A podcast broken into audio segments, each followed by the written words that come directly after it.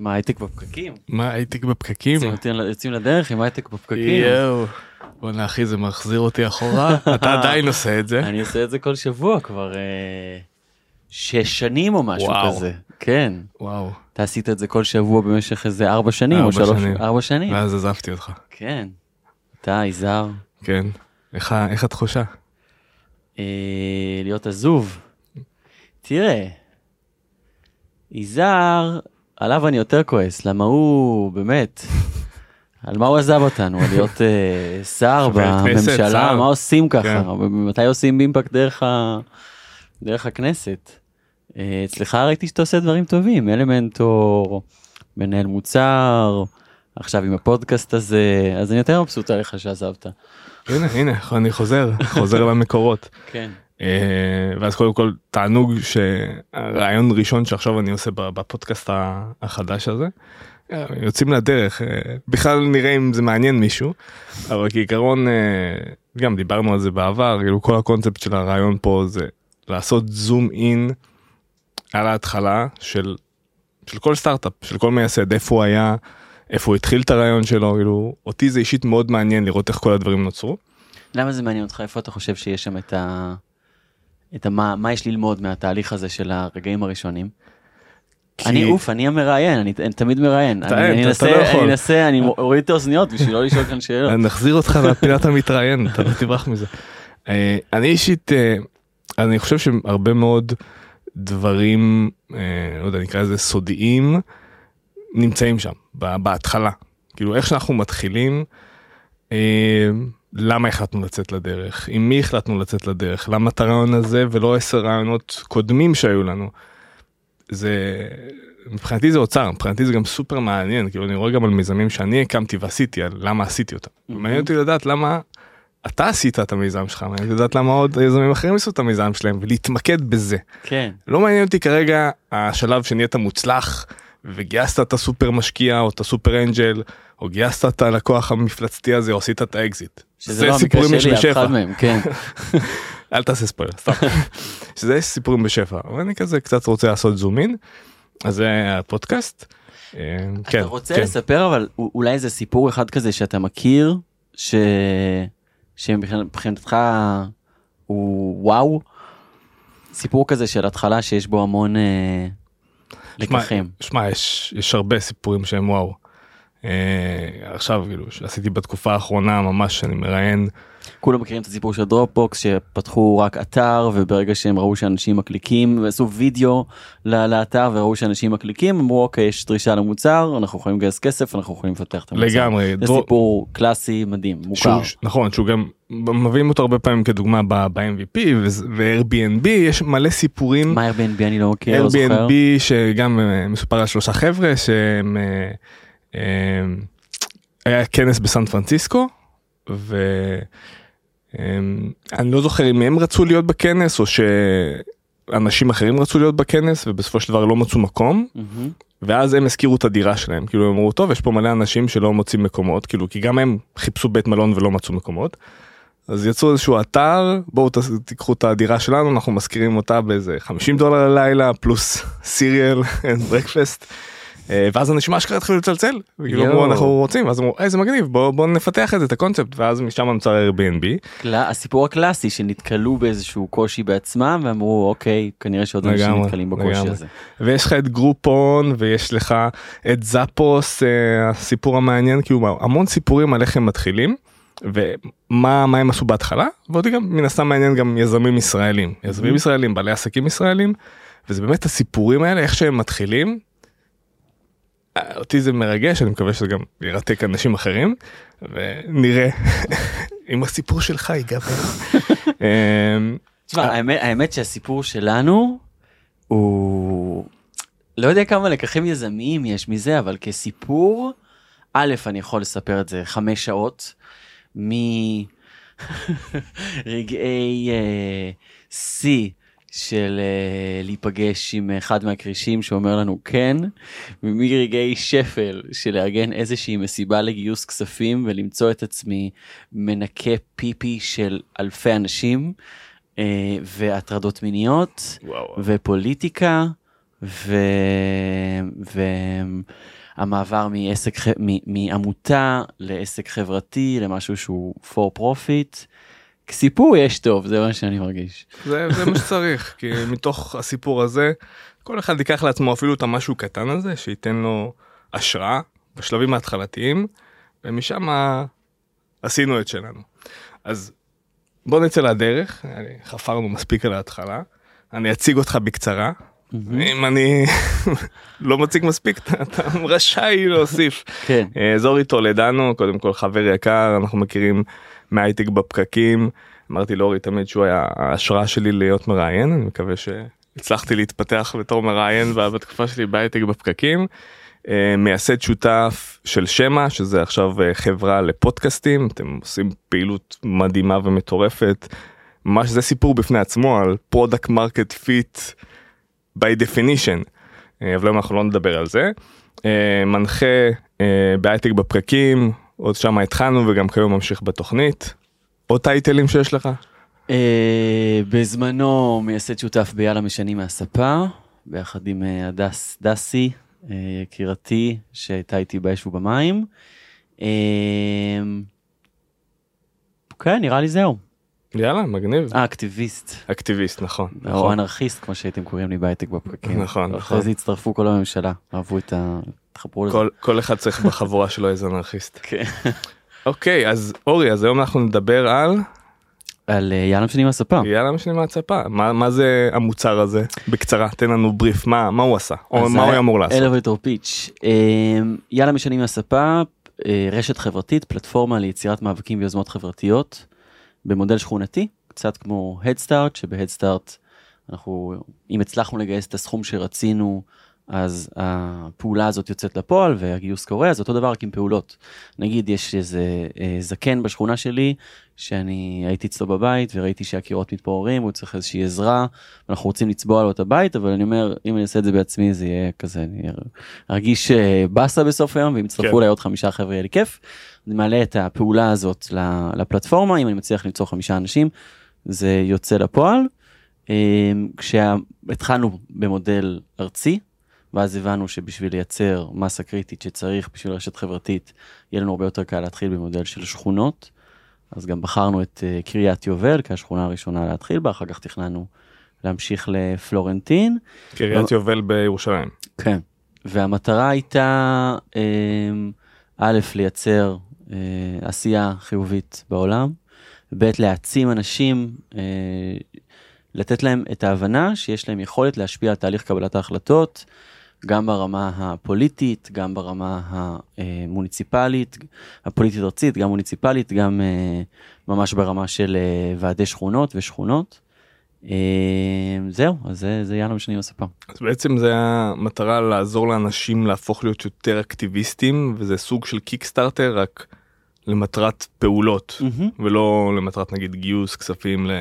היה שם מוצרים. הרבה סוגים של פעילות, בין היתר היה גם גיוס כספים, היה פעולות כאלה כמו שתיארתי עם הזקן הנחמד, היה הפצה של פוסט מתוזמן בפייסבוק, היה קמפיינים של אס.אם.אסים, קמפיינים של מיילים שהיה אפשר לשלוח לנבחרי ציבור או לכל מיני גורמים שונים. אה, סט של פעולות, כלים ל- לאנשים להשפיע על המציאות בצ- בצורה שבה הם רואים לנכון. אגב, באופן שבו הם רואים לנכון, אנחנו ניסינו לספק את הפלטפורמה ואת העצמה הזאת, אבל בלי אג'נדה יותר מדי משל עצמנו. הבנתי. ואיך חשבת על הרעיון? אז הרעיון התבשל אצלי בראש אה, חמש שנים לפני שעשיתי, לפני שממש יצאנו לדרך הדס ואני. אה, וזה התחיל כשעשיתי שירות לאומי, עבדתי עם אה, ילדים אוטיסטים, והייתי אחרי שהייתי בגן לתקשורת, שזה גן לילדים אוטיסטים, אז אחר כך הייתי גם עובד בזה באופן פרטי. ואחד הילדים שעבדתי איתם היה גר ליד אה, רוטשילד, בזמן 2011, מחאת האוהלים, דפני ליף. מפורסמת. אה, וכל זה, כן. אה, ואני הייתי אז בן 21, אה, צעיר יחסית, ותמיד, גם בגילאים צעירים יותר, הייתי קצת פעיל חברתית אה, למען חופים, והיה איזה שמורה שרצינו שתקבל מעמד של שמורה אה, בצפון תל אביב. אגב, מאבק שהצליח באופן מיוחד, רוב המאבקים לא מצליחים, צריך לומר. אז אה, חוק החופים, מצאתי את עצמי בגיל אה, 18 מפגין מול איזה בניין בירושלים שאני כבר לא זוכר מהו. אה, אבל לא יותר מדי, כן?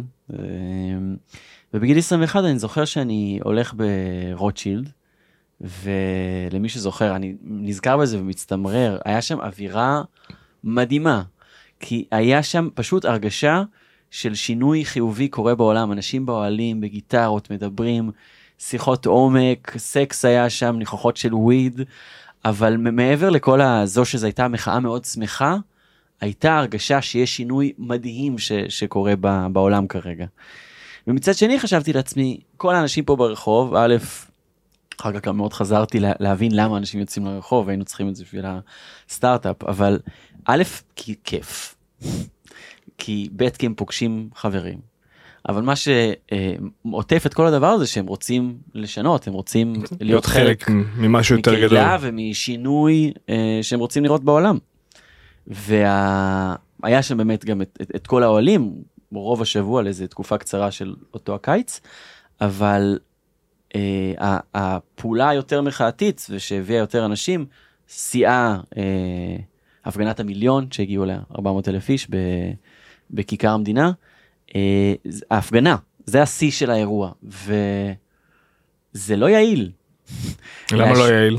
לצאת מהבית למשך שלוש, ארבע, חמש שעות, להיות בפעולה של ההפגנה, שהיא לרוב לא מהנה. אמ, זה דורש, מה זה, זה חצי יום עבודה מהבן אדם, ואז הוא נספר כעוד אחד מאותם עשרות, mm-hmm. מאות, וראינו את זה גם אחר כך במחאות של קפלן, אה, גם שיש מאבקים אדירים על כמה אנשים בכלל הגיעו. ואני זוכר שאפילו ראיתי בקפלן איזה מישהו שהולך עם אה, איזה כאילו ראש לידו שמחובר אליו משהו ואז אומר אותו. על הרחפנים שיספרו אותי פעמיים.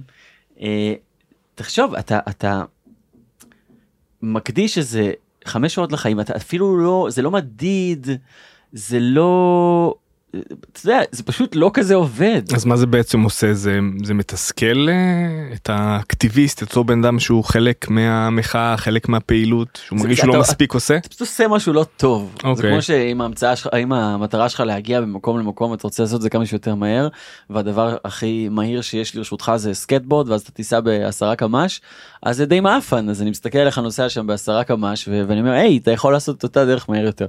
אז אם המטרה היא לשנות מציאות אז לצאת לרחוב להקדיש לזה חמש שעות זה פשוט לא מספיק טוב.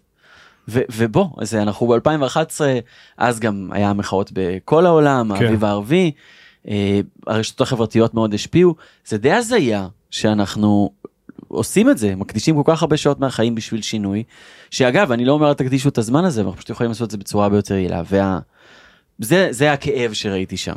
אז זה היה למה שאני מהספה בא בעצם להפוך את כל ההתארגנויות אה, האקטיביסטיות האלה למשהו הרבה יותר יעיל. איזושהי נכון. מכונה משומנת. נכון. אתה לא בא ואתה מקדיש משהו חמש שעות אתה לא יודע נתן אימפקט לא נתן אימפקט צרפת זמן מהחיים שלך אתה רוצה להפוך משהו יעיל. נכון. כשהמחשבה הראשונית הייתה להתמקד בכוח הצרכני שלנו. סתם לדוגמה.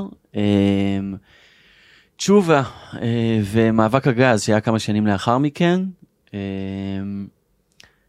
זה על איזה מחאות רציתם להתמקד. אה, אז שוב זה אנחנו מדברים פה על 2011 כן. הרעיון הזה התבשל אצלי בראש למדתי בבין תחומי למדתי שם תקשורת היה לי תיקייה ספציפית שנקראת אפליקציית מאבקים חברתיים והייתי ממש יושב בכל שיעור ומזין את המסמך הזה בעוד ועוד ועוד ועוד תובנות וממש כל כל קורס הצלחתי למצוא בו משהו שאיכשהו אה, קשור ועוזר ולפעמים גם הייתי בשלבים בשנה האחרונה שלי לתואר כבר ממש התחלתי לעבוד על, ה, על האפליקציה על, ה, על הסטארט-אפ אבל הייתי נפגש עם המרצים ו, וככה מנסה מתייעץ איתם. שאלות וכאלה. מבחינה זאת הבן תחומי ממש אה, זה מקום טוב להיות פה שיש לך את הקשר עם המרצה שאתה יכול לבוא ו, ולהעלות את, ה, את הרעיונות שלך ולקבל פידבק. המטרה הייתה קודם כל ה vision הראשוני היה מעין סקר של בוחרים אה, איזה מוצר להחרים החודש. ובמקביל בוחרים מתוך רשימה אילו מוצרים יוג, יוגרלו בחודש הבא. ככה ככה בעצם דמיינתם זה, ש- זה היה השלב, זה עוד לפני שהדס הייתה חלק מזה, זה ככה היה האפליקציה תיראה. סופר פשוט, זה אפילו לא אפליקציה, זה אתר. אוקיי אני אתר לא תכננתי לפתוח אפליקציה, מי עוד רוצה עוד אפליקציה? זאת, למה, למה שמישהו יורד אפליקציה? צריך למרות שאז איזה ערך אדיר. ב-2011 זאת לא היה- לא הייתה הצפה כמו כבר, היום. כבר הרגשתי שאם יש לי אפשרות לעשות דברים מובייל אז, אז עדיף. אז לא הבנתי. אה, בסוף גם חזרנו למובייל אבל לא משנה. המחשבה הייתה באמת משהו מאוד מאוד רזה ופשוט אה, חרם צרכני שהבעיה היחידה שהיו בזה הרבה בעיות אבל הבעיה המרכזית שאני מצאתי באותו שלב זה שזה ריכוזי. שאני בוחר את ה... אני, איזה הצעות להציע ואנשים אה, צריכים לבחור מתוך האפשרויות האלה וכמה שניסיתי יותר לבזר את הכוח שהתרכז אצלי זה הפך להיות אה, מורכב. יש לזה כל מיני דרכים לפתור את זה אבל זה היה הבעיה המרכזית שזיהיתי בזה. שוב המטרה מין סקר כל מוצר למה להחרים אותו אה, שוק החלב שוק הדיור שוק הדלק נגיד אה, חודש לא לתדלק בתחנה אחרת בתחנה מסוימת אה, אה, חודש לא לקנות קוטג' שאז היה גם מקובל להחרים אותו אה, ב-2011 המטרה הייתה בעזרת הכוח הצרכני להילחם ביוקר המחיה ולקדם אג'נדה פוליטית. וליצור. וליצור שינוי כן. או לנסות ליצור שינוי. כן. ותמיד אנחנו כשאנחנו חושבים על רעיון ו- ואנחנו נגנבים ממנו כן. שהוא עולה כנראה מאו צורך אישי או משהו שאנחנו רואים מבחוץ אז אצלך זה הסוג של שילוב זה היה משהו שבער בך מגיל מאוד צעיר ואז גם תודלק במחאת אוהלים כמו שאמרת מהמם. ואז כשחשבת אוקיי מי יהיה הקהל היעד שלי כאילו בסופו של דבר יש לי פה מוצר מגניב אני צריך גם שמישהו ירצה להשתמש בו כן. מי מי היה לך בראש. אז זה עניין. אמ, כי פה פה אני כבר אתקדם כמה שנים קדימה הימים הם אה, ימי מאבק הגז. אמ, אני אני זוכר שסיפרתי על הרעיון הזה להדס שאז היינו בני זוג. ו- טס ל... מי זאת? שיכירו? הדס, הדס שובל, אה, מפתחת אה, וגם בנתה את האפליקציה הזאת במו ידיה, היינו bootstrap. אז שות- גם שותפה שלך. מה? היא, היא, ואני, כן, כן. היא השותפה. ו- ואני זוכר שישבנו איזה לילה וסיפרתי לה על הרעיון הזה, אני חושב שבדיוק חזרנו מאיזשהו ערב אה, אה, הפגנה של אה, מאבק הגז. דייט רומנטי? כן. חייב להגיד אגב לא כי כי פשוט זה לא כזה כיף ללכת להפגנות. אמ, וסיפרתי לה על זה במין איזה אגביות כזו. והיא אמרה לי תשמע נראה לי רעיון טוב נראה לי נעשה את זה איתך. והיא כאילו זה היה איזה מין שיחה קלילה כזאת בלי הרגשה של איזה כובד משקל וזה היה אנחנו עבדנו על זה אחר כך שלוש וחצי שנים על האפליקציה זה היה כל חיינו ואני זוכר את רגע ההחלטה היה הרגע הכי לא דרמטי שיש כזה מין יאללה בוא יאללה. בוא נעשה את זה. אמ, אז שאלת קהל יעד מי היה לך. בראש? אז הדס ואני שנינו הסכמנו שהאנשים שכבר הולכים להפגין והם מעורבים חברתית אז כל הכבוד להם קודוס להם הם פחות מעניינים אותנו. בשביל לייצר שינוי בהיקף רחב יותר אנחנו ניסינו לייצר את הפלטפורמה לקהלים הרחבים יותר. אני זוכר שהגדרנו את קהל היעד אנשים שאכפת להם הם בעד אבל הם בחיים לא יבואו איתך להפגנה. אבל הם, הם בעד, הם עשו לך לייק בפייסבוק, עשו אולי share בפוסט. אבל הם לא יפנו את השבת שלהם בשביל להגיע להפגנה. אז אלו, אל, זה היה קהל היעד שלנו. והשלב הראשוני, ולמה- ולמה נגיד סליחה שנגיד למה באמת לא אקטיביסטים אלה שהולכים נגיד לתת להם כלי הם כבר הולכים, הם כבר, יש בתורת המאבק- המאבקים חברתיים, אני יכול לקחת את האקטיביסטים שלי ולנסות לייצר אצלם רדיק, רדיקליזציה, ושהם יהיו מוכנים להיעצר, ושהם יהיו מוכנים לצח- לקחת צעד אחד קדימה. יש כל מיני דברים, גם עם האנשים שכבר מעורבים, אה, אה, לנסות לגרום להם להיות עוד יותר מעורבים. אבל אנחנו חשבנו שהצורך הכי מרכזי שקיים גם אצל האנשים וגם אצל ה... בעצם בשביל לקדם אג'נדה, הוא אותו רוב דומם, שבאמת אכפת לו, אבל הוא פשוט... יש לו, יש לו, יש לו, יש לו, יש לנו אותו לחמש דקות. בוא כן. נשתמש בחמש דקות האלה, טוב. כן זה היה המחשבה. מצד שני הקהל הזה הוא עלול להיות במקום שאתם צריכים לחנך אותו לעשות את האקטיביזם את המעורבות והרבה פעמים יזמים לא רוצים להיות במקום הזה, של ממש. לחנך את השוק. אני זוכר המילה חינוך שוק, חינוך שוק הייתה מילה שעלתה הרבה. אני זוכר דסי הייתה אומרת לי זה חינוך שוק. זה לא-. זה לא חינוך שוק, זה חינוך שוק. בסדר, צריך קצת לחנך את השוק. אה, זה נכון, זה מהבחינה הזאת היה פה אה, צעד קדימה שאנחנו רוצים אה, לקחת אנשים שהמעורבות החברתית שלהם תהיה דרך הטלפון, מהבחינה הזאת שהם לא היו עושים את זה כל כך לפני כן, אבל הם כן קצת עשו את זה. זאת אומרת, מספיק שעשיתי share בפייסבוק לאיזשהו משהו שאני מאמין בו ומי לא עשה את זה, אז הנה אני כבר פעיל חברתי דרך הטלפון. מספיק שתרמתי בקמפיין של uh, מימון המונים, הנה אני כבר פעיל דרך הטלפון. כן. אז זה פשוט משהו טיפה מרכז את זה עם פחות אה, הסחות של אה, פייסבוק וכולי מסביב, מעין עוד איזה מקום מפגש קהילתי שהוא גם אה, נותן לך הרגשה שאולי עשית משהו טוב. שזה משהו שכולנו רוצים, להרגיש כן, יותר טוב לגבי שניסינו- עצמנו. בכלל ניסינו אה, להניע שם צרכים חברתיים בכל מיני מקומות. אני זוכר שאפילו היה איזה פעם אחת שרצינו, עבדנו על איזה דמו של מסך אחד, שנועד להראות את האנשים שהם יותר פעילים, והיית יכול לראות אותם וגם לקבל אה, לינק לפרופיל פייסבוק שלהם. אגב, כל, הכל היה דרך אה, טוקנים של פייסבוק ודרך הממשק של הפייסבוק אה, היה לנו אפשרות להבין מי החברים שלך וכולי.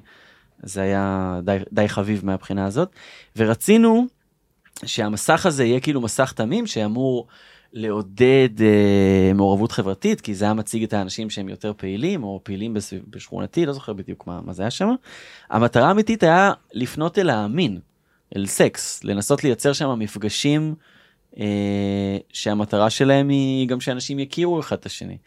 זה הנה עכשיו אחרי שהאפליקציה נסגרה וזה אז כל הדברים היותר מלוכלכים אפשר לומר זה היה זה היה אחד הרעיונות. שמה זאת אומרת, אנשים יכירו לדייטים?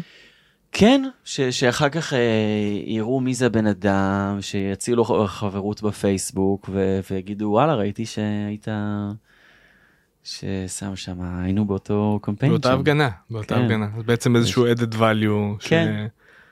רצינו לחבר לא בין אנשים, אבל- לייצר אה, רשתות חברתיות כן. צפופות יותר. וכן, בעצם עוד סיבה עבור אנשים להיכנס לאפליקציה, גם לזכות בהכרה וגם אה, בין היתר על, ה, על ההכרה גם אה, אולי למצוא בן זוג, בת זוג לחיים. אז בוא ניכנס שנייה לנושא הזה, כי התחלת כבר לזרוק כל מיני פיצ'רים לאוויר שהתחלתם לפתח, כן. וזה נושא שהוא סופר סופר מעניין אותי תמיד. עם מה אתה יוצא לדרך בתור יזם? שיש את המתודולוגיה של הסטארט-אפ הרזה, ה-MVP שכולנו מכירים, והרבה מאוד מדברים עליה, אבל בסופו של דבר לא, אנחנו, אני אומר, כאילו גם אני בסטארט-אפים שלי, אנחנו חוטאים בזה, ולפעמים ה-MVP שלנו לא נראה MVP. אז אתה זוכר מה היה ה-MVP שלכם? משהו נורא עצוב זה שבאותו זמן הלכנו ביחד את הייטק בפקקים והיינו מדברים על הדברים האלה כל כל יום, הזמן. כל תוכנית. כן. ובמקביל לזה אני חייב לומר שהייתי יזם לא טוב. ואחת הטעויות המרכזיות שעשינו הייתה שהתחלנו לכתוב קוד תוך שבועיים בערך. כי בהתחלה זה היה פה גם אה, אה, טעות של הדס שחשבה שזה ייקח הרבה פחות זמן ממה שזה לקח בסופו של דבר. כמה העריך את זה אתה זוכר? כן, היה שם אה, הבדל אה, מאוד מהותי, היה איזשהו שלב שרצינו לעשות, אה, מה זה רצינו לעשות? עשינו אקאטון אה, במשרדים של וויקס ועבדנו עם הקהילה של 8200 ו- וכל מיני קהילות וניסינו להביא כמה שיותר אה, מפתחים ו- ו-UXרים ומעצבים ל- לאותו אקאטון הקטון לצורך, לצורך פיתוח אפליקציה. לצורך פיתוח אפליקציה. וחשבנו וקיווינו שאנחנו נסיים לבנות את כל האפליקציה בהאקתון הזה והגיעו 25 30 איש עבדו קשה. היו ממש בתוך זה היה חבר שלי אה, גידי לבנה הוא קוסם היום די מוכר וביקשתי ממנו אה, להגיע ככזה מין אה, העשרה שמה והם היו כל כך בתוך העבודה אמרו לא, לא צריך ואנחנו הכל טוב יש פיצה. סחט לנו מיצים. וכל הזמן הייתי שם הנער שליחויות שם סחטתי להם מיצים וכל מה שעושה טוב. והם פשוט היו בתוך זה. ולמרות זאת עשינו 15% מהאפליקציה משהו כזה זה היה אה, הבדל מאוד גדול בין כמה חשבנו שזה ייקח לכמה שזה לקח בסופו של דבר וגם. בקיצור התחלנו לכתוב קוד מוקדם מדי. אמ, ואתה שואל איך איך ה-MVP היה נראה. אז לא היה MVP. ה- מבחינה אפליקטיבית ה-MVP היה כבר בטא. ה-MVP במקביל לזה שעבדנו על הבטא ברמה הפיתוחית, האמת שכן היה, כן הצלחנו להבין האם יש צורך ולידציה. למוצר הזה או לא. סוג של ולידציה. כן. אז מה שעשינו, אה, זה שפתחנו עמוד פייסבוק. אה, מההתחלה פתחנו עמוד פייסבוק גם בשביל לייצר איזושהי קהילה, למצוא מתנדבים. אגב, בשלבים הראשונים הכל היה עמותה אה, לחלוטין, ו- ולא לא היה פה שום אה, כוונת רווח, אחר כך עברנו למודל של עסק חברתי, אני אספר על זה עוד מעט. אבל פתחנו עמוד פייסבוק, העלינו שם כל מיני תכנים על כל מיני עוולות, גם ניסינו לשמור על איזה שפה כזו אה, מראה על העוולות אבל בצורה מחויכת כזו, כי אמרנו אי אפשר להיות כועסים עכשיו, אנחנו רוצים שאנשים ישתמשו באפליקציה הזאת פעם, פעמיים, שלוש, חמש בשבוע, כל יום, אי אפשר לעבוד מכעס, אנחנו רוצים להיות חיוביים ו- ולעבוד מהמקום של היי, אנחנו רוצים להיות חלק משינוי חיובי בעולם, אנחנו לא, אי אפשר כל הזמן לכעוס, אז זה היה סנטימנט שעבדנו איתו, ו... הפרופיל פייסבוק הזה התחיל לצבור, היה לנו שם, לא יודע, 3,500 לייקים בשיא של זה. התחלנו קצת לייצר טיפה יותר traffic, והיה באותו זמן אה, מקרה מחורבן של אה, אונס קבוצתי בהרצליה. וזה היה מאוד בכותרות, והפרקליטות סגרה שם את התיק תוך כלום. יאללה. וזה היה נראה, נראה לנו עוול נורא, שהמשטרה ככה כל כך מהר סיימה עם השלב של החקירה והרימה ידיים והרגיש לנו ש... עכשיו, זה אגב, זה נורא מורכב בשביל להביא מזעזע. תיק כזה לבית משפט, אתה רוצה סיכוי טוב להרשעה, כי חלילה כן. שתהפוך את כל ההליך המחריד הזה של אה, משפט על רקע של עבירות מין, הוא, הוא מאוד קשה לקורבן. אז עכשיו לעשות את זה שוב, הפרקליטות לא מביאה תיק אם היא לא בטוחה שיש לה אחוז הרשעה גבוה. אבל כן חשבנו שזה שה... נסגר מהר מדי, איך זה יכול להיות? שהם הרימו ידיים מהר מדי ואמרנו, אל תסגרו את התיק, אה, תקדישו לחקירה יותר זמן. וזה היה הקריאה לפעולה שלנו, והצלחנו למצוא את המספרי טלפון של המון אנשים בתוך הפרקליטות, ומה שעשינו זה שאמרנו, סיפרנו על המקרה, וקראנו לאנשים דרך הפייסבוק לקרוא לנו הודעה לעמוד, ושאנחנו נחזיר להם ממספרי טלפון של, של אותם האנשים, לשלוח להם של הודעות. הפרקליטות. כן. לא, לא פרסמנו גם את הטלפונים כי פחדנו מתביעה. של אותם אנשי פרקליטות. כן. כי אתה יודע, גם הם בכל זאת יודעים, מבינים בזה. אה, אז לשלוח לשלוח בהודעה פרטית זה את אפשרי. ה- זה, כן. כן, אני זוכר שהתייעצנו אז עם עורך דין ואמרנו בוא נהיה על הצד הבטוח יותר של הדברים. אז איך בעצם התהליך הזה עבד? אז בגלל שעכשיו אם היו נגיד שלושה מספרי טלפון זה היה נורא קל היית שולח לי הודעה על עמוד הייתי מגדיר אה, הודעה אוטומטית שחוזרת אליך והכל בסדר. כן. בגלל שהיה לנו איזה 30 ורצינו לפזר את זה באופן שווה אז כל פעם שלחנו אה, שלוש הודעות של... שלושה מספרי טלפון שונים אז היינו מקבלים הודעה ואז היינו כותבים. ואני זוכר שהיינו שם דסי אני מתנדבת שלנו יקירה שהייתה באותו זמן אורטל שנפסי אה, שנפס אה, ופשוט היינו על זה יום שלם על להחזיר לאנשים הודעות אנחנו קיבלנו. אה, זוכר שהוצאנו סדר גודל של 5,000 אס.אם.אסים. ואז באיזשהו שלב אמרנו טוב אנחנו פוצצנו את האנשים האלה בוא נעבור למייל והכל ככה אנחנו יושבים על המחשבים ומדברים עם האנשים ועונים להם אוי מטורף. ושם הרגשנו שברגע ואז עוד לא היה את כל הדבר הזה של קמפיין אס.אם.אסים היום יש כמה אפליקציות ש... שעושות את זה. אמ, זה היה לנו ברור שהרגשנו שנגענו במשהו שצריך אותו. אמ, אז זה היה לפי מה הייתה הרגשה? לפי המעורבות של אנשים? לפי התוצאה שהייתה בסוף?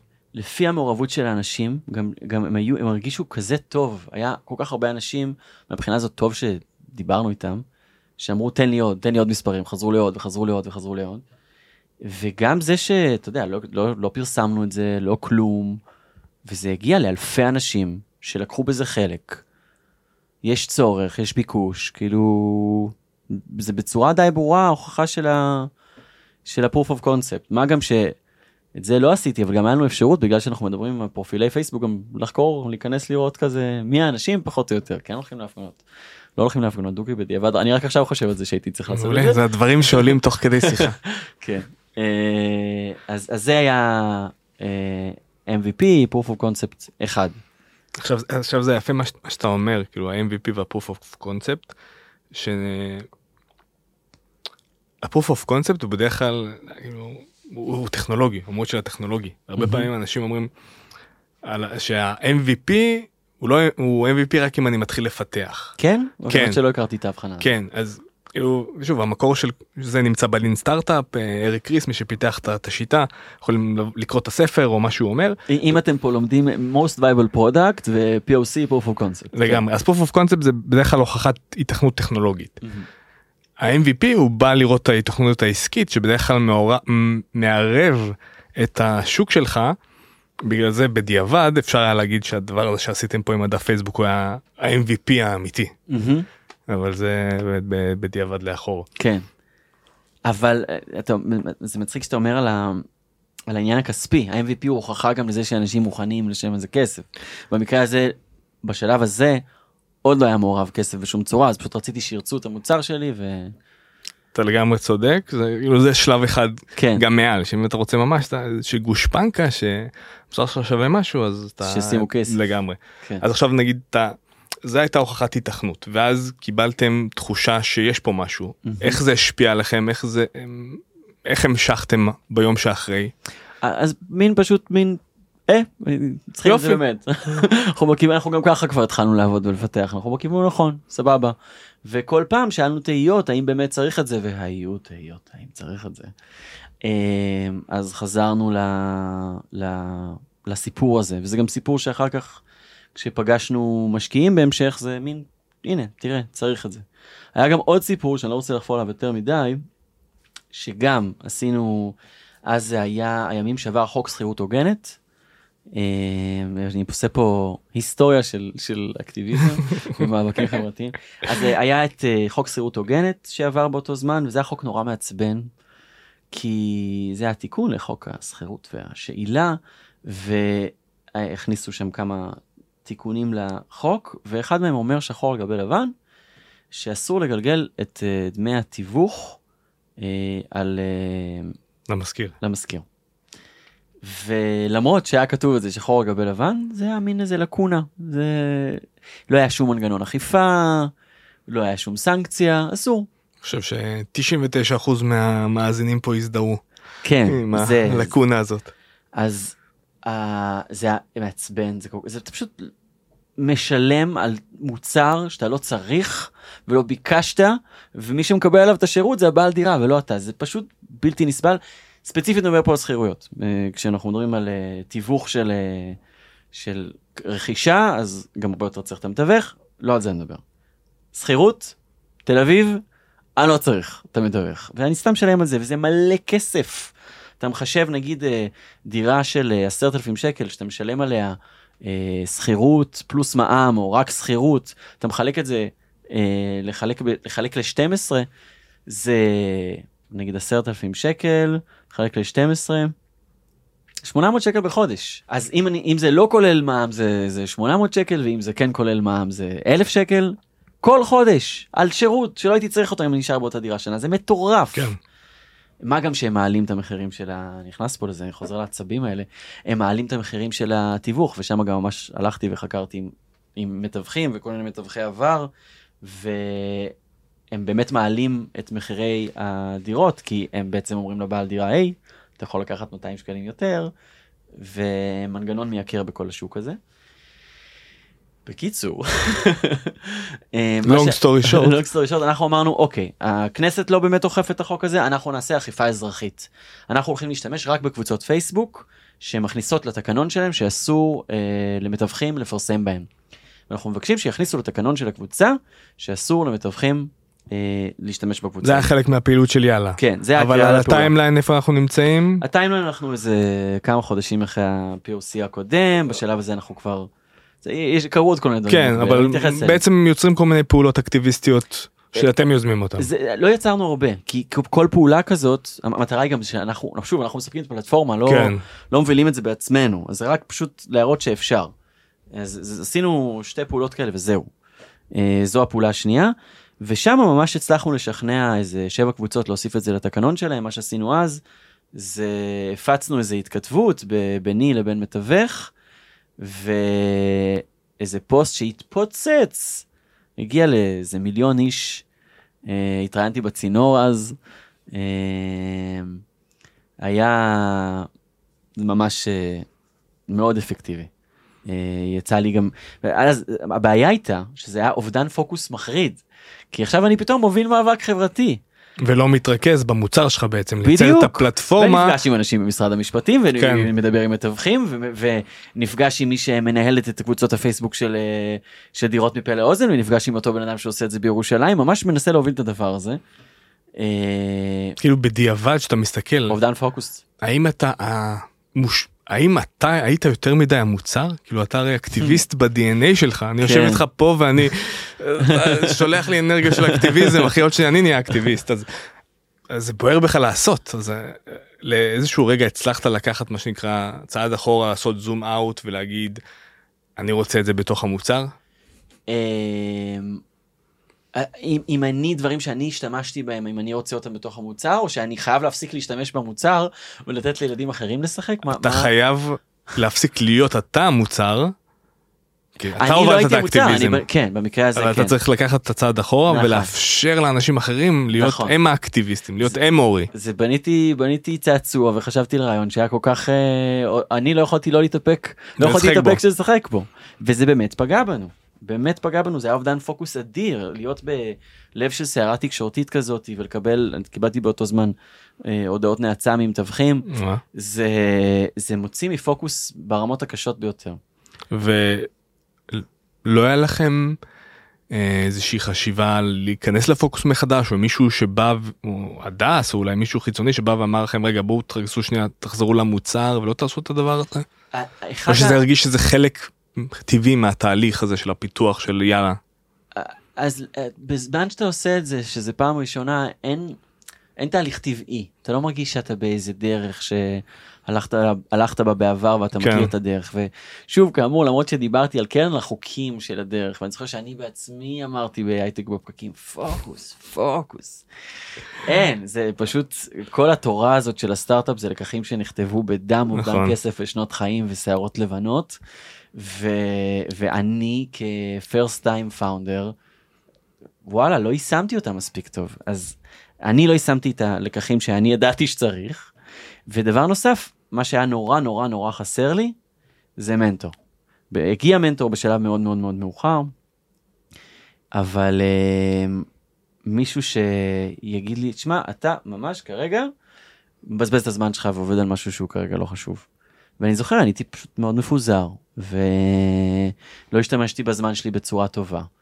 ו...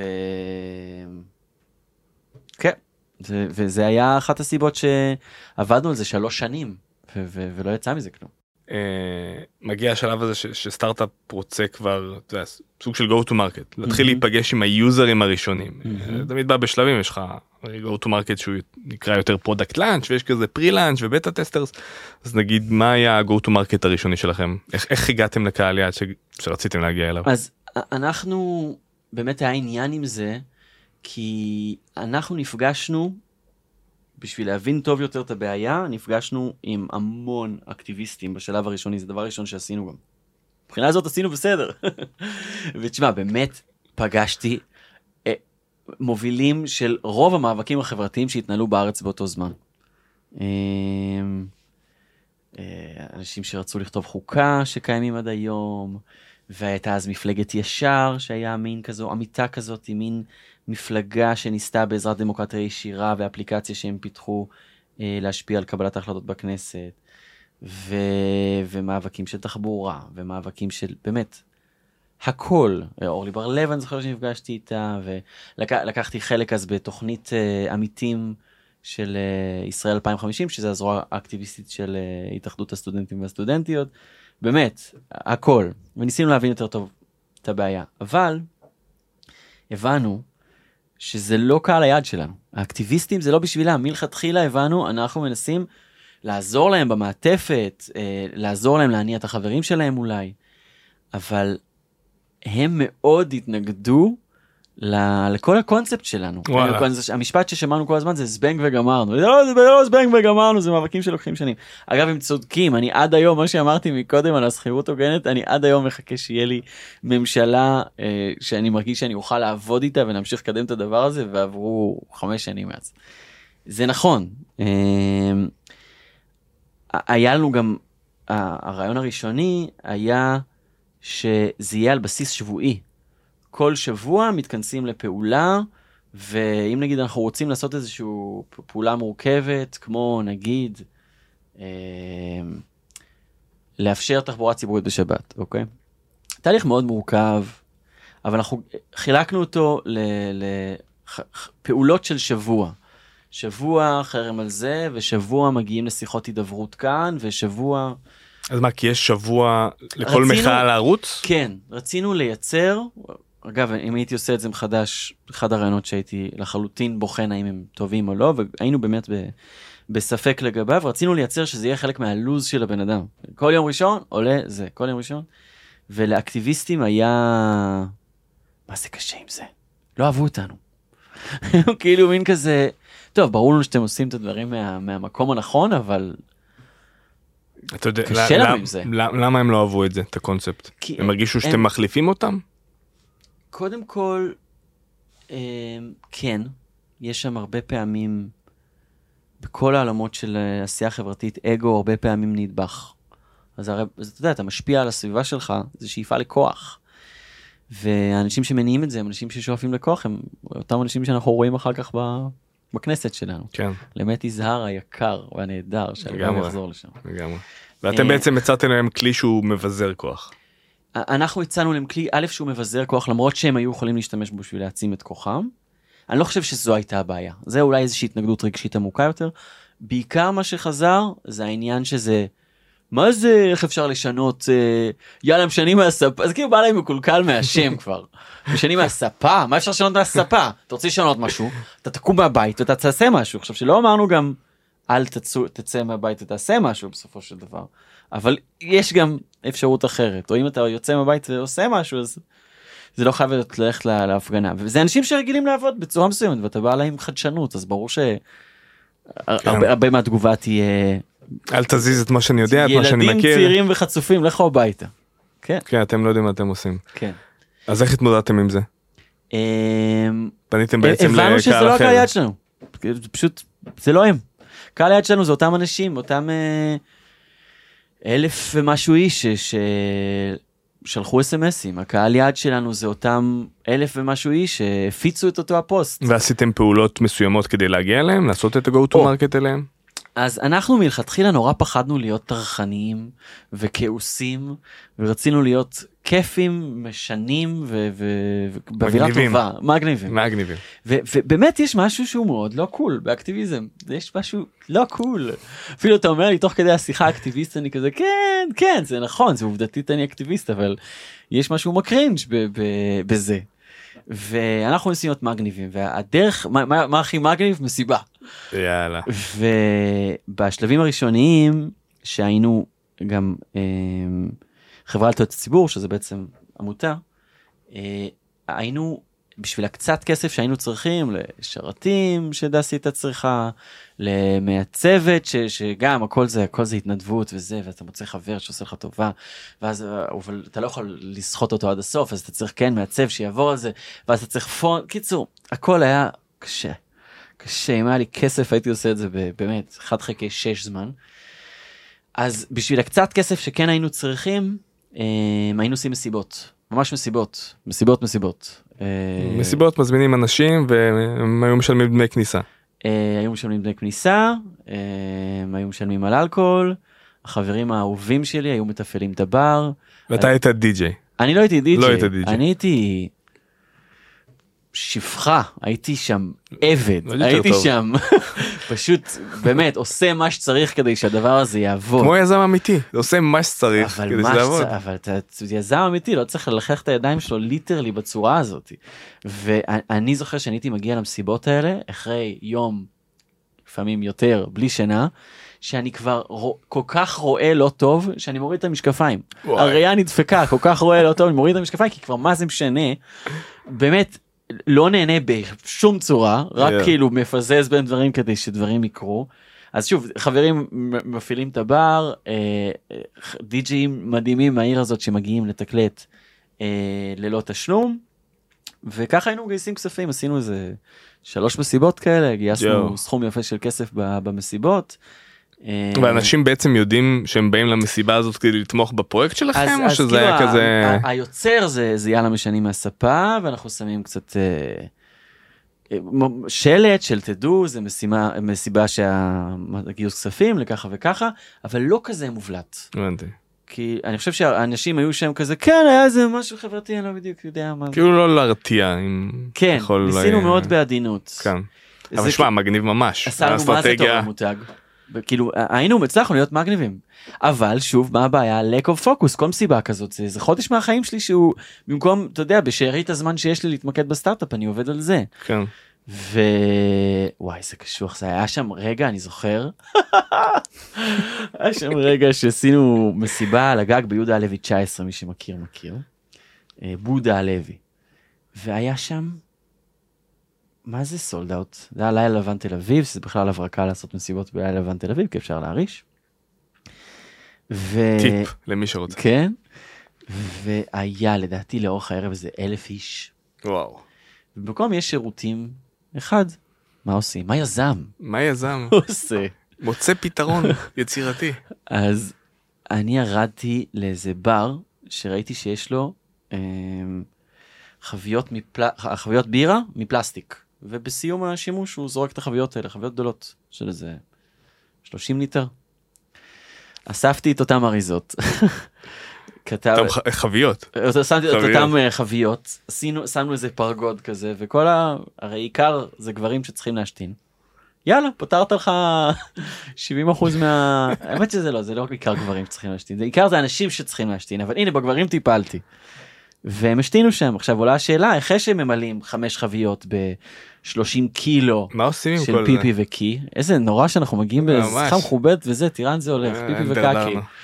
אה, שמנו גם שלט על, ה, על השירותים כאן לא עושים סמים כי הדבר האחרון שאנחנו רוצים עכשיו זה ייכנסו לי חבורה של שישה אנשים רבע שעה לא יצאו משם. אז אה, נשארנו עם חמש חביות בגודל 30 קילו והייתי צריך כאילו עכשיו הן מלאות גם עד הסוף היה שם. כי קיצור מה- מה- מה עושים עם זה? מה עושים אז הבאתי? עוד חבית ואז פיזרתי משקל בין החביות כדי שגם זה לא יישפך לי בדרך למטה אה! ו- ולמטה כבר מצאתי איזה פיר אה, ביוב ושפכתי הכל לשם. אבל חודש אחרי אתה רואה עץ יוצא. ו- ופטריה גורית לי על היד אז אני שם אני זוכר עם מסכת קורונה עוד לפני שזה היה לא קול ועם uh, כפפות על הידיים ואני מחזיק את הדבר הזה ואני מסתכל על שותפה שלי דסי ואני אומר לה.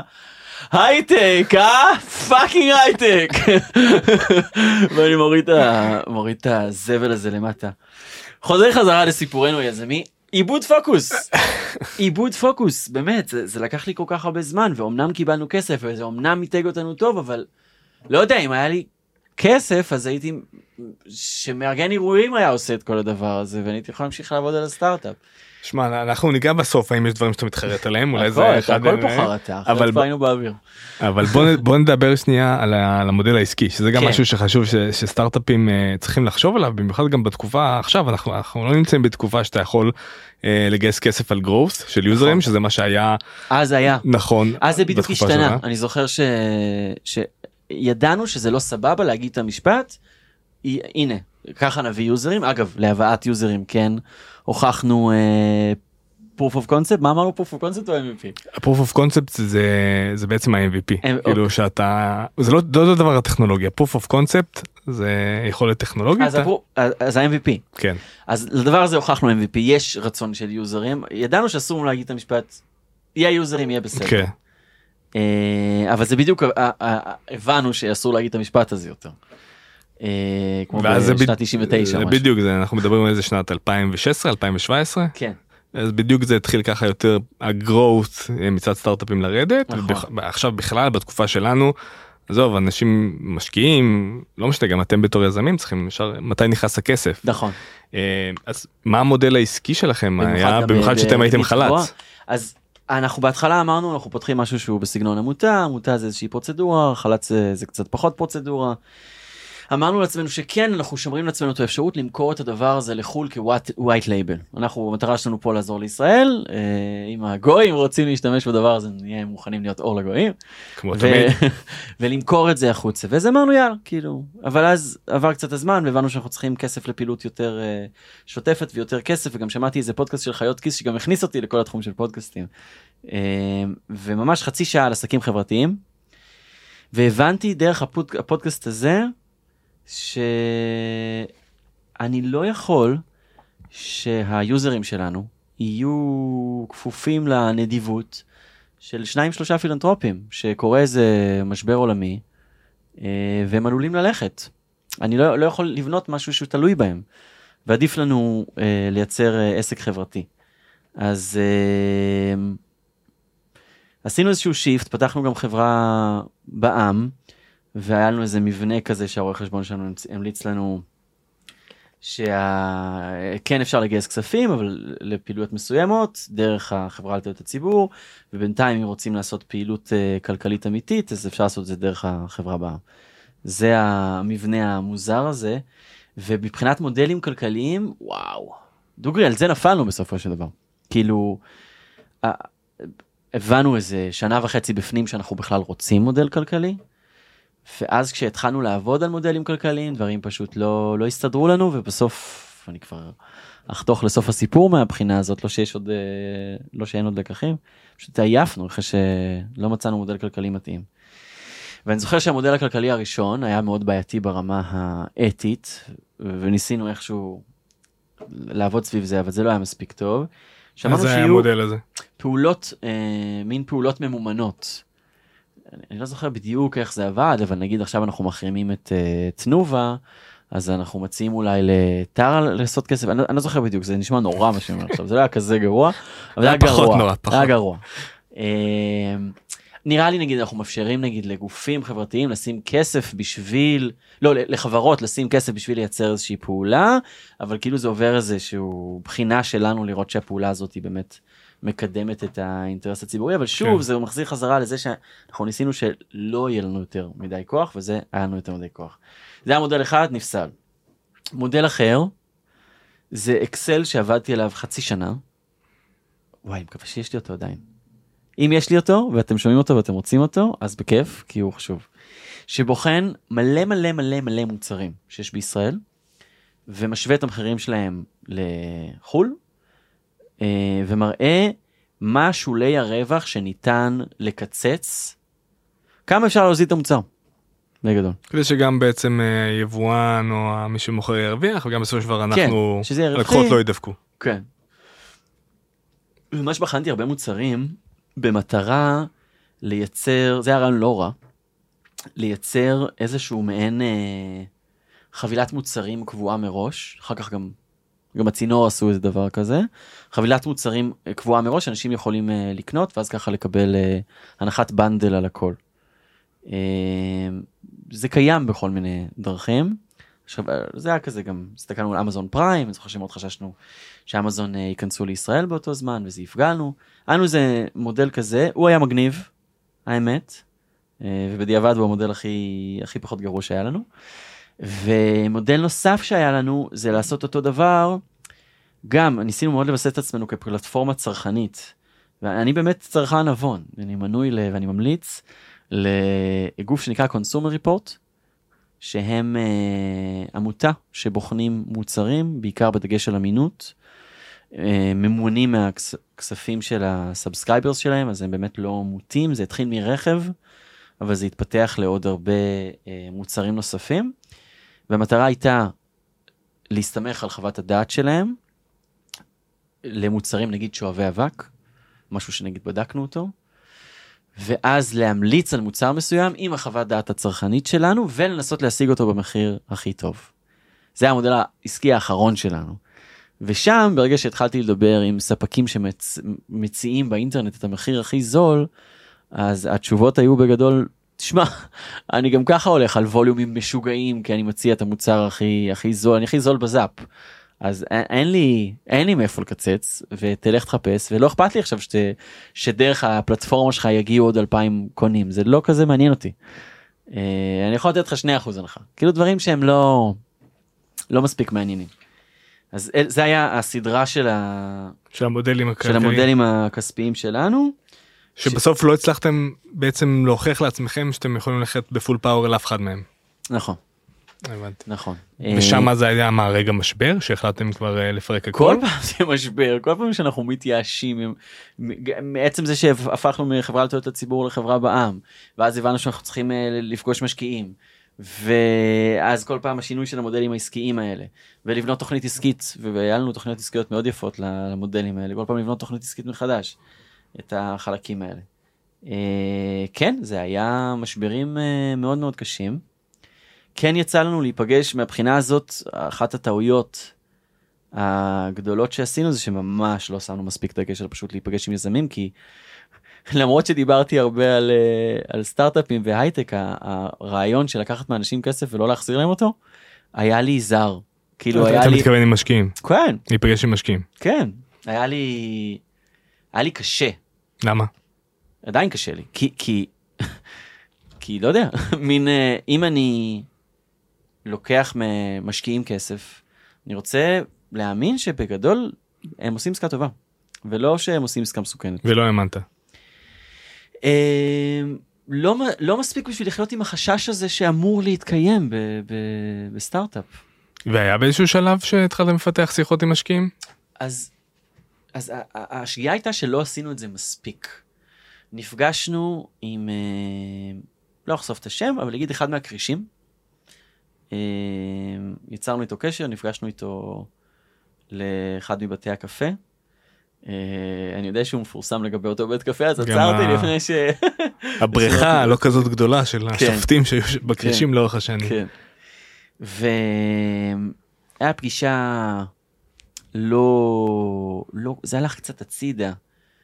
למרות שהדס ואני בני זוג באותו זמן, התקשורת בינינו, אין, כפר עלינו. היינו באמת, זה שהיינו בני זוג, התקשורת בינינו בדבר הזה עבדה מאוד מאוד טוב. אמ, אבל הרגשנו שהוא, שהוא לא מספיק משתכנע. אמ, ואז הגיע עוד כריש. אה, והוא ממש, חוץ מזה שהוא דיבר עליי מאוד לא יפה, הוא השתכנע. והוא ראה את הדבר הזה. ופגישה ראשונה עם. משקיעים. ואותו משקיע אמר כן. והיינו באופוריה. ואז, כמו שהרבה פעמים קורה, עד שהכסף לא עבר, לא קרה כלום, הוא נעלם לנו. ובסדר, המשכנו הלאה. זה, מש... זה פגישה אחת שהייתה. אה, פגישה נוספת הייתה, כמו שהיום הגעתי לאולפן במזיע ובלחץ ומאחר, אף אחד לא ידע. לא תספר להם. לא, לא, חס וחלילה. אז ככה, אותו דבר, זה מישהו שנתקלתי בפרסומים שלו ב... בעיתונות, אמרתי, וואו, הוא ממש מדבר יאללה, הוא ממש מדבר את השפה שלנו. ואז הייתי כזה מקיים פגישות עם כל האנשים שהרגשתי שיש אה, יכול להיות איתנו, יכול להיות איתם איזשהו שיתוף פעולה, סתם להכיר, כי הרגשתי שאנחנו מדברים אותה שפה. מבחינה הזאת אני שמח ש- שעשית את הפגישות האלה, ואחת מהפגישות האלה הייתה איתו. והגעתי אליה, זה היה יום קיץ, אחרי שנסעתי באופניים בטיל כדי לא לאחר, אמנם לא איחרתי, אבל מה, כל כך הזעתי. שהוא נכנס למשרד עם שתי כוסות מים והניח אותם מולי, הביא לי ישר שתי כוסות מים וגמעתי אותם.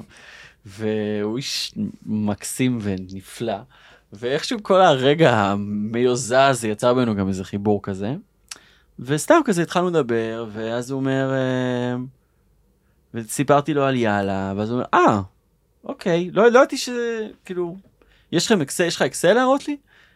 ואז אמרתי, אה, זה כזה אנחנו עושים את זה זה שיחת אה, שיחה השקעה?" רצינית? שיחה של אה, אנשים אה. מבוגרים? אז איך אחרת אמרתי יאללה. הראיתי לו.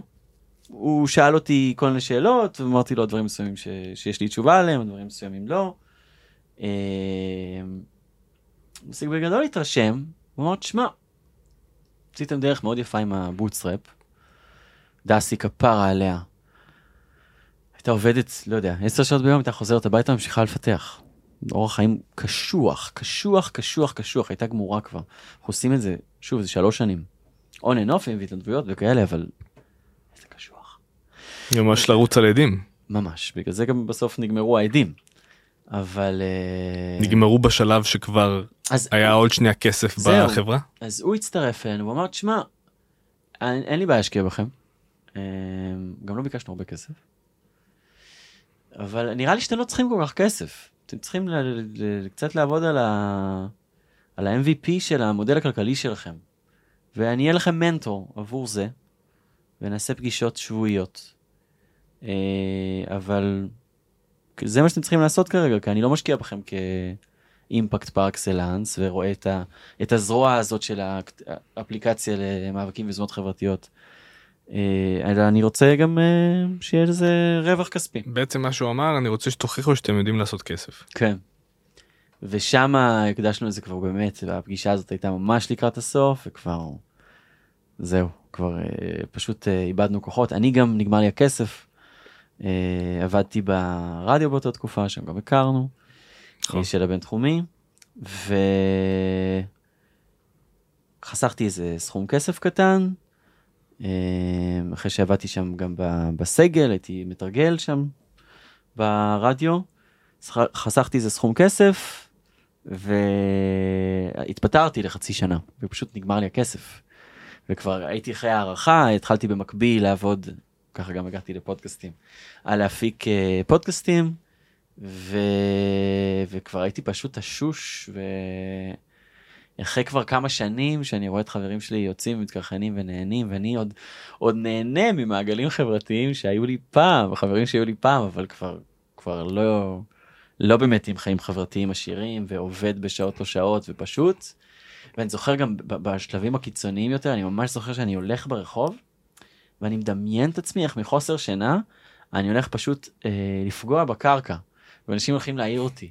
זה לא קרה אף פעם. אה, אבל אני ממש זוכר כאילו שזה היה מעבר לפינה. וואו. כן. כאילו, למרות שאתה עושה את מה שאתה אוהב, כי, אתה מאמין בו, כי אני עושה. עדיין שלוש שנים ושאתה שאתה לא מביא את זה למקום שאתה רוצה אז זה גומר גומר את הכוח. זה גומר כי באמת היינו באובדן פוקוס מאוד גדול רצים לכל הכיוונים עצם זה שזה היה עבודה התנדבותית רוב הזמן הזה הפך כל תהליך לאיטי באמת להערכתי פי 6 פי 10 משהו כזה סתם לוגו משהו שאפשר לייצר תוך שלושה ארבעה ימים כאילו וגם זה לא משהו שאתה עושה פול טיים מישהו עושה את זה שלושה כן. ארבעה ימים אתה נותן את זה פידבקים. צריך לקחת איזה חודשיים כן. כמה סבבים. אין, הכל, אה, הכל היה קשה יותר כשאין כסף. אה, אז כן, זה, זה בסוף אתה, בסוף אתה מתעייף. אני עדיין חושב שיש אגב איזשהו, ש, שאני לא התייאשתי לחלוטין מהרעיון הזה. אה, אבל באותו זמן פשוט אה, נגמרו לי הכוחות. אני, אני רואה זה בוער בך כן. אה, הרעיון הזה. אה, בסוף יאללה אבל יצא לאוויר העולם איזושהי גרסה שלו פגשה ממש אה. הגרסה של המאבקים חברתיים הייתה מוכנה כבר. אה, אבל אה, אני כבר, ולא סתם, אלא גם נפגשתי עם המון פעילים חברתיים בקריית יובל, כבר היה לי מתוכנן הרגע אה, לעבור ל- לקריית יובל. אה, אבל מה שקרה זה שא', דסי ואני נפרדנו כמה חודשים לפני כן, והמשכנו לעבוד על זה כאקסים. וואי וואי זה כאילו מדברים על, על, על פרידות יפות, להמשיך לעבוד עם אקסית שלך על סטארט-אפ זו פרידה יפה. לא, זה זה זה mastery זה, זה, זה סוג של גירושין, משימה בלתי אפשרית כמעט. גירושין עם ילדים, זה כזה, מה שעושים אה, זוגות גרושים עם ילדים, אז, אז היינו גרושים טובים אפילו. ו... אין, נגמר הכסף, נגמר הכוחות, וממש רגע לפני ההשקה, שידעתי שאני צריך לתת את, ה... את הגז. את הגז האחרון הזה ולעמוד מאחורי זה. אז א', כבר לא ידעתי אם יש את דסי איתי. אה, הרגשת לבד? הייתי לבד. אז הרגשת נכון. ו... וזהו, וחלאס. כי...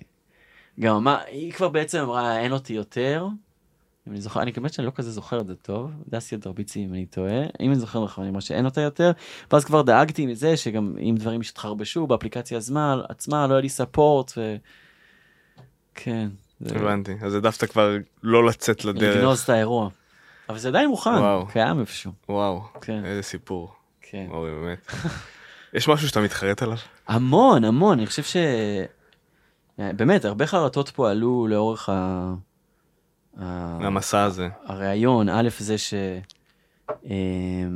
שלא הקשבתי לחוקי הסטארט-אפ, אה, וניסיתי למרוד גם בהם. ב', שהייתי באובדן פוקוס. ג', שבשלב מאוחר מדי ביקשנו, אה, הבנו שאנחנו בעצם צריכים כסף. ד', שלא פגשנו משקיעים, פגשנו שני משקיעים ושניהם אמרו לנו כן, in a way. באמת, עשינו דרך מה זה ארוכה כ bootstrap. אה, היינו מה זה בשלים לגייס. וכן, המודל העסקי לא היה סגור עד הסוף, אבל היה גם מודלים עסקיים שכבר היו בכזה בהכנה, ותשמע, גם ביקשנו לא הרבה כסף כי כבר עשינו את הרוב. כן. אז uh, היה אפשר גם למצוא איזשהו משהו כזה, ש, שלא לבקש הרבה כסף, אבל כן לשים דגש ברגע שמקבלים כסף על מודל עסקי. קיצור, um, זה uh, דווקא נגיד לעבוד על סטארט-אפ עם בת הזוג, זה פלוס? זה מינוס? פלוס לסטארט-אפ, ענק, ענק. אה, ומינוס למערכת יחסים ממש, כן. אה, זה דווקא עבד לטובתנו בגדול. אה, איזה עוד דברים אני מתחרט עליהם? מנטור שלא היה לי. ותשמע, באמת, עשיתי המון המון טעויות. עשיתי המון טעויות. רק ככה לומדים, אין מה לעשות. כן. אה, גם אני יודע, בסטארט-אפ. הראשון שלי, כן, אין ספור טעויות, כן, חלק מהדיל. כן. אבל רק ככה לומדים. רק ככה לומדים. אה, אז למרות ה- שסגרתם, שאולי אפילו לא השקתם את מה שרציתם, אתה, אתה חושב שכן הייתה הצלחה במובן מסוים? שהרעיון הצליח? הרעיון, המוצר, אתה? אמ, תראה, אני עדיין מעורב בדבר הזה של חוק שכירות הוגנת. אם שם אני אצליח אה, להביא איזשהו הישג, אז יהיה מאוד מגניב. אמ, תראה, בסופו של דבר, לא עשי, במבחן המציאות, לא, לא ממש יצאנו לאוויר העולם, אז אני לא חושב שהצלחנו, ואני לא חושב שנכשלנו, זה פשוט עוד לא באמת קרה. הבנתי. עדיין אולי יש הזדמנות לעשות את זה מחדש. יאללה, תביאו כסף. האם התאהבת ברעיון שלך? משהו אה, שמזהירים יזמים ממנו כל הזמן, אבל האם זה באמת אפשרי במציאות? תראה, הייתי מאוהב בו מספיק בשביל לתת לו את כל האנרגיה שלי במשך שלוש שנים. אה, אז הייתי בוודאי מאוהב בו. אבל אה, אהבתי אותו. אז מה, ש, מה שאני ראיתי זה שהסנונית הראשונה זה לגרום לאנשים שהם יכולים לשנות את המציאות שלהם, וממש להפוך את הדמוקרטיה להשתתפותית יותר. ממש דמיינתי איך זה צעד ראשון בתוך הדבר הזה, וזה כאילו חלום עצום, ענק. משנה עולמות מגלומני מאוד. ו... ואני כן, להיות חלק ממשהו שאולי יכול לעשות דבר כזה היה מאוד מגניב. אה, אבל אני חייב להגיד ש... שאני הייתי דווקא מאוד ביקורתי כלפי הרבה דברים שהם בדרך וכל הזמן שאלתי את עצמי האם אני לא מתאהב. ברעיון. אז דווקא מהבחינה הזאת אני אפילו הייתי ביקורתי מדי לפרקים ואם מדברים על אה, לעבוד ב waterfall או בספרינטים אז או באיטרציות אז uh, אני באיזשהו שלב uh, דסי התחרפנה עליי אמרה לי "אתה- אתה לא יכול אנחנו חייבים להיות יותר waterfall מה שהוחלט הוחלט אנחנו ממשיכים קדימה כי אתה משגע אותי. Uh, אז דווקא הייתי קצת uh, בלתי נסבל עם ה... דווקא עם הביקורתיות uh, יתר ולראות בכל הדברים גם את הצד החיובי וצד השלילי ולהבין מה ה trade off האם אני שלם איתו. האם אתה חושב שהיה לך מזל? היה לי מזל שנולדתי להורים שלי. זה כבר טוב. כן, אבל בתזמון לא היה לנו מזל, לא. אה, אני חושב שהדבר הזה, אם היה קורה בנגיד ימי קפלן, א', הייתי מגייס כספים מאוד בקלות, ולא הייתי בהכרח צריך להביא איזה מודל כלכלי, וב', היה לזה הרבה יותר שימוש. אה, גם עכשיו, בימי המלחמה, הייתי מת שהדבר הזה יהיה באוויר, שאנשים יוכלו להיעזר בזה לכל היוזמות הנפלאות שיש, מפרדיסים, ניקיון, עזרה נפשית, אה, כל הדברים. כן, אין ספור יוזמות מדהימות. שקורים, אם היה, והרבה גופים אגב ניסו לתכלל את זה, אבל אני חושב שזה היה יכול להיות מקום מאוד מאוד נוח לביקושים, ולענות על אותם ביקושים, זה היה יכול להיות מדהים, לרבות גיוס כספים. הלוואי, הלוואי וזה היה באוויר, במלחמה. אז אתה מדבר פה בעצם על אלמנט הטיימינג. ש... לגמרי, הטיימינג היה ממש חסר, אה, חסר מזל. היה לי הרבה מזל עם אה, דסי שותפתי הנהדרת, שהייתי עטוף בחברים טובים שמאוד תמכו בי בדבר הזה. אה, בהרבה אנשים שעזרו לי לאורך הדרך, ממש הרגשתי את ה ecosystem הישראלי. איזה יופי. אני מר- מרגיש שאני חב לו תודה עד היום, ואני גם משלם את התודה הזאת בהייטק בפקקים, אבל באמת, אנשים אה, מאוד ששים לעזור. איזה יופי. שזה גם אחד הדברים המדהימים על ה ecosystem הישראלי אה, כן. שלנו. לסיום, סיום. אם יש לך טיפ אחד לתת אה, ככה למי שמקשיב לנו, יזמים, אה, יזמיות בתחילת הדרך, שרוצים ליצור את הרעיון הראשון שלהם. אל, לפני ש- כל מה שאמרתי את הטעויות, אז, אז, אז תקשיבו לחלק הזה, הוא באמת לדעתי יש מה ללמוד ממנו. אה, טיפ אחד, טיפ אחד, טיפ אחד. מנטור. מנטור. נראה לי שמנטור היה מסדר לי את כל הטעויות. למצוא מנטור טוב. אה, או כמה אפילו, לעניינים מסוימים. אה, ולעשות. כאילו, לעשות, להבין דברים תוך כדי תנועה, לעשות. לא לשבת בבית, זה אם וזה לא. לצאת לשטח, לקבל פידבק אמיתי, להיות כנים מאוד עם האינפורמציה הזאת שאתם מקבלים, שזה לא יערער לכם מה שאתם חושבים על עצמכם, אני, אני לא טוב אם המוצר לא טוב, לא, ממש להיות כנים, לנסות לקבל כמה שיותר אינפורמציה ולהיות כנים כשאתם מקבלים אותה. סופר חשוב לפגוש את הפידבק של המשתמשים שלנו קהל ליד כמה שיותר מוקדם. כן. אחלה טיפ. אורי, יואו, נתן! אוי זה היה זה היה. מדהים זה היה כיף. כן, לגמרי. תן לי. תן לי רק לדבר על זה, יש לי עוד אה, 20 אה, סיפורים ושעות שאני יכול. לדבר על דברים שקרו שם. נמשיך את פרק ב'. כן.